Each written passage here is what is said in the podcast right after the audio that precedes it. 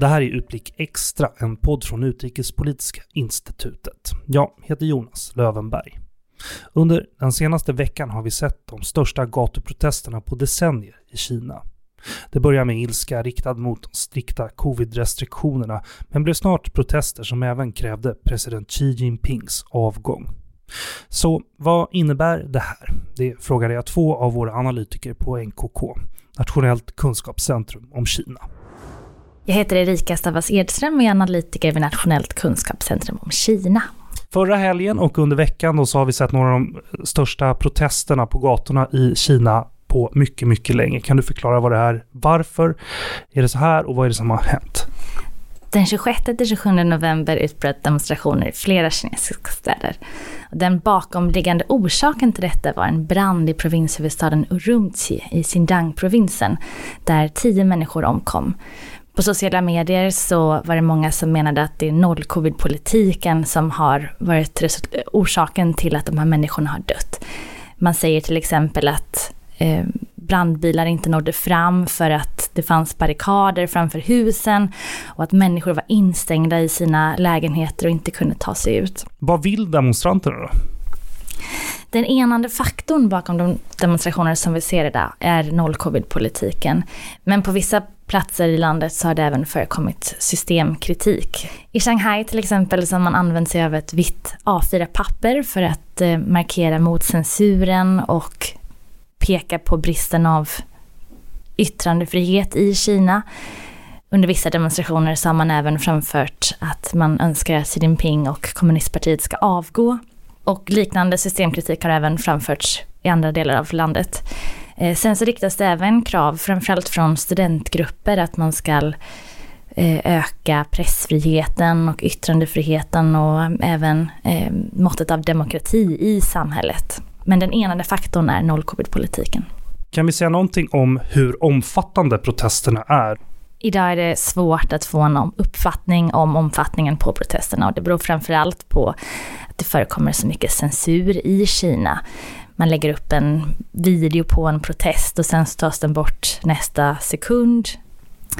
Men jag läste en sammanställning som sa att det, det förekom protester, det förekom demonstrationer på 79 universitet i 15 provinser över hela Kina.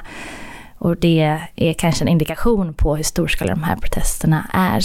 Vissa säger att det är de största protesterna i Kina sedan demonstrationerna på Himmelska fridens torg och, och i andra delar av Kina 1989. Hur vanligt är det med den här typen av protester, eller med protester överhuvudtaget då? Nuvarande protester är ovanliga av tre anledningar. Ett så pågår de i flera städer utan en centraliserad samordning och, och två så är det även flera samhällsgrupper som äh, protesterar. Det är inte en minoritetsgrupp, det är inte bara migrantarbetare utan det är eh, människor högt som lågt med alla typer av eh, bakgrund och eh, ålder. Eh, alla har berörts av covid-politiken och vill se en förändring. Och tre så förekommer det då som sagt även viss systemkritik. Men det är inte ovanligt med protester som sådana utan det förekommer ibland även på daglig basis. Men Ofta rör det sig om lokala protester som rör lokala problem, till exempel en lokal marktvist. Hur hanterar regimen det här som händer då? Ett vanligt verktyg är att använda sig av censur och det är någonting som man redan ser resultatet av idag. När demonstrationerna bröt ut den 26 november såg man en omfattande systemkritik på sociala medier. Men det är någonting som man har lyckats städa bort idag. Ett annat verktyg är att man arresterar eller förhör eller på andra sätt trakasserar de som är involverade i protesterna. Och än så länge så vet vi inte i vilken utsträckning det här förekommer, men, men det är ett vanligt verktyg som, som används. Någonting som man ska också hålla ögonen på tycker jag är en ny lag som trädde i kraft den 15 december. Och den eh, sätter en ökad press på kinesiska sociala medier-plattformar och det kommer innebära att de behöver godkänna alla kommentarer och inlägg som handlar om dagsaktuella nyheter som publiceras på deras plattformar. Vilket skulle kunna bidra till att det blir svårare framgent att eh, planera eller sprida eh, kritiska budskap på sociala medier, vilket redan är en, en stor utmaning. Jag heter Björn Kapelin och är analytiker på Nationellt kunskapscentrum om Kina vid Utrikespolitiska institutet. Hur ser Kinas nolltolerans mot covid ut? Ja, det är ju just en, en nolltolerans som går ut på att man ska trycka undan eller, eller helt eh, utesluta den här smittan från samhället. I Sverige under pandemin pratade vi om att platta ut kurvan. Eh, I Kina vill man inte ha någon kurva alls. Och det här gör man ju då genom omfattande testning, eh, smittspårning. Eh, människor som är sjuka ska vara på sjukhus oavsett hur sjuka de är. Människor som har varit i kontakt med eh, sjuka ska eh, vara på centrala karantänsfaciliteter. Man får inte isolera sig i hemmet. Man har ju sett stora nedstängningar. I början av pandemin var det hela städer. Sen har man jobbat under perioden med, med lite mer eh, skräddarsydda strategier, försökt stänga ner stadsdelar och så vidare. Men, men, men vi har sett omfattande stora nedstängningar av städer och folk blir inlåsta i sina hem och kan inte gå ut. Och det har ju fått stora sociala konsekvenser men också stora konsekvenser på ekonomin. Varför håller man fast vid den här strategin då? Ja, men dels tror jag att i början så funkade det ganska bra. Eh, man kom ganska snabbt till rätta med det första utbrottet i, i, eh, i Wuhan eh, Eh, i början av 2020. Och ehm, Kina har ju, man har ju pekat på att, att man har en mer framgångsrik hantering än vad resten av världen hade. Man har pekat ut det man upplever som ett Eh, kaotisk hantering i, i omvärlden och sagt att i Kina så sätter man minsann folkets liv och, och hälsa främst. Eh, och från det att man, eh, att man lyckades komma till bukt med det första utbrottet eh, så var det ju en ganska lång period som man kunde leva ganska mycket som vanligt i Kina. Visserligen i en bubbla och isolerad från omvärlden, men, men jag tror att många kineser också kände en stolthet över att Kina hade valt rätt väg. Och det pågick ju ungefär ett och ett halvt år, så det var ju i början av 2022 egentligen som det här började spricka då när den här omikronvarianten av, av covid-19-viruset kom till Kina och som liksom lite ställde saker och ting på ända den här nolltoleranspolitiken, är inte det också ett, eh, något som Xi Jinping är själv kopplad till väldigt starkt? Då? Jo, den har ju tidigare förknippats väldigt, väldigt starkt med honom personligen och han har, han har frontat den här politiken väldigt mycket och, och, och stått fast vid den. Så att eh, det finns mycket, mycket investerat i den och det, då är klart att då finns det prestige eh, i det här.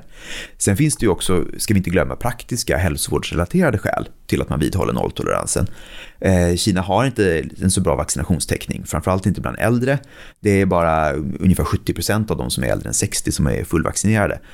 Och man har också problem med att man har eh, dåligt resurssatt sjukvård. Man har för få IVA-platser. Så man är liksom inte riktigt rustade för ett storskaligt utbrott som, som skulle kunna hända om man släppte på de här restriktionerna helt och hållet.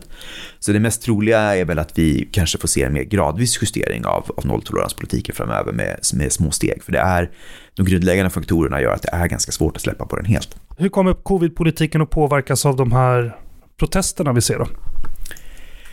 Ja, det är ju en, eh, en eh, balansgång för myndigheterna. Man vill justera den här politiken för att man vill ju inte spä på missnöjet så att man får mer eh, protester.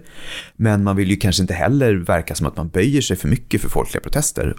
Det har ju kommit en del försiktiga signaler. Den 30 november så uttalade sig Kinas vice premiärminister Sun Chunlan, som är den som är kan man säga, pandemigeneral, om att eh, hon, hon kom ett uttalande om att den här omikronvarianten är inte riktigt lika farlig som i tidigare varianter och att Kina nu står inför en delvis ny situation som man, som man måste ha, ta sig an med nya metoder. Och man nämnde inte heller, hon nämnde inte vid det här tillfället eh, den här nolltoleranspolitiken vid namn.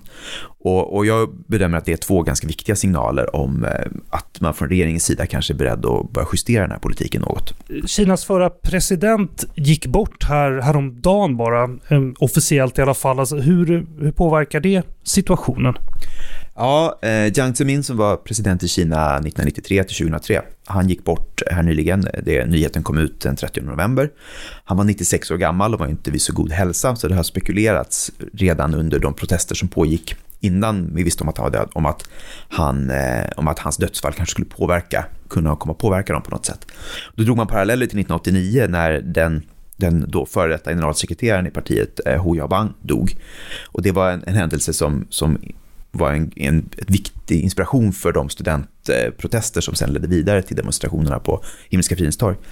Jag tror att det finns anledning att vara försiktig med de här parallellerna. Hu Yaobang var en ganska populär politiker som för de här studenterna 89 då representerade en utveckling mot, eh, där man öppnade upp Kina mot omvärlden och reformerade. Det är inte självklart att Jiang Zemin har samma betydelse för, för folk idag eh, och de som protesterar idag. Men å andra sidan så förknippas han också med en period då, då Kina öppnade upp och, och folk fick det materiellt mycket bättre.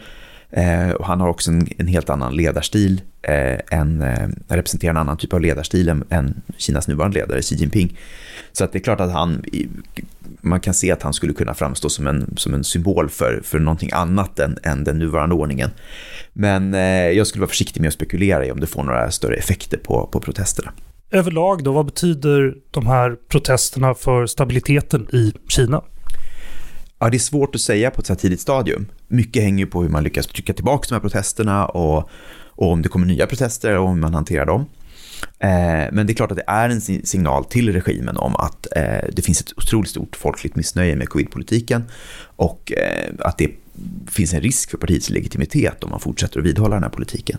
Och de nya signaler som vi ser om ett skifte kommer nog rent tror jag, praktiskt innebära att man distanserar sig till viss mån från den här nolltoleranspolitiken i retorik i alla fall. Sen får vi se om, om man lyckas med det i praktiken. Det är också sannolikt att man kommer att skjuta över en del av ansvaret på de lägre eh, lokala nivåerna eh, för att kunna skylla på dem när, när folk blir missnöjda. Och det har vi redan sett en del tendenser till. Du har lyssnat på Utblick Extra, en podd från Utrikespolitiska institutet. Glöm inte att trycka på prenumerera-knappen i appen där du lyssnar på oss. Glöm inte heller att lyssna på vår ordinarie utgivning av Utblick.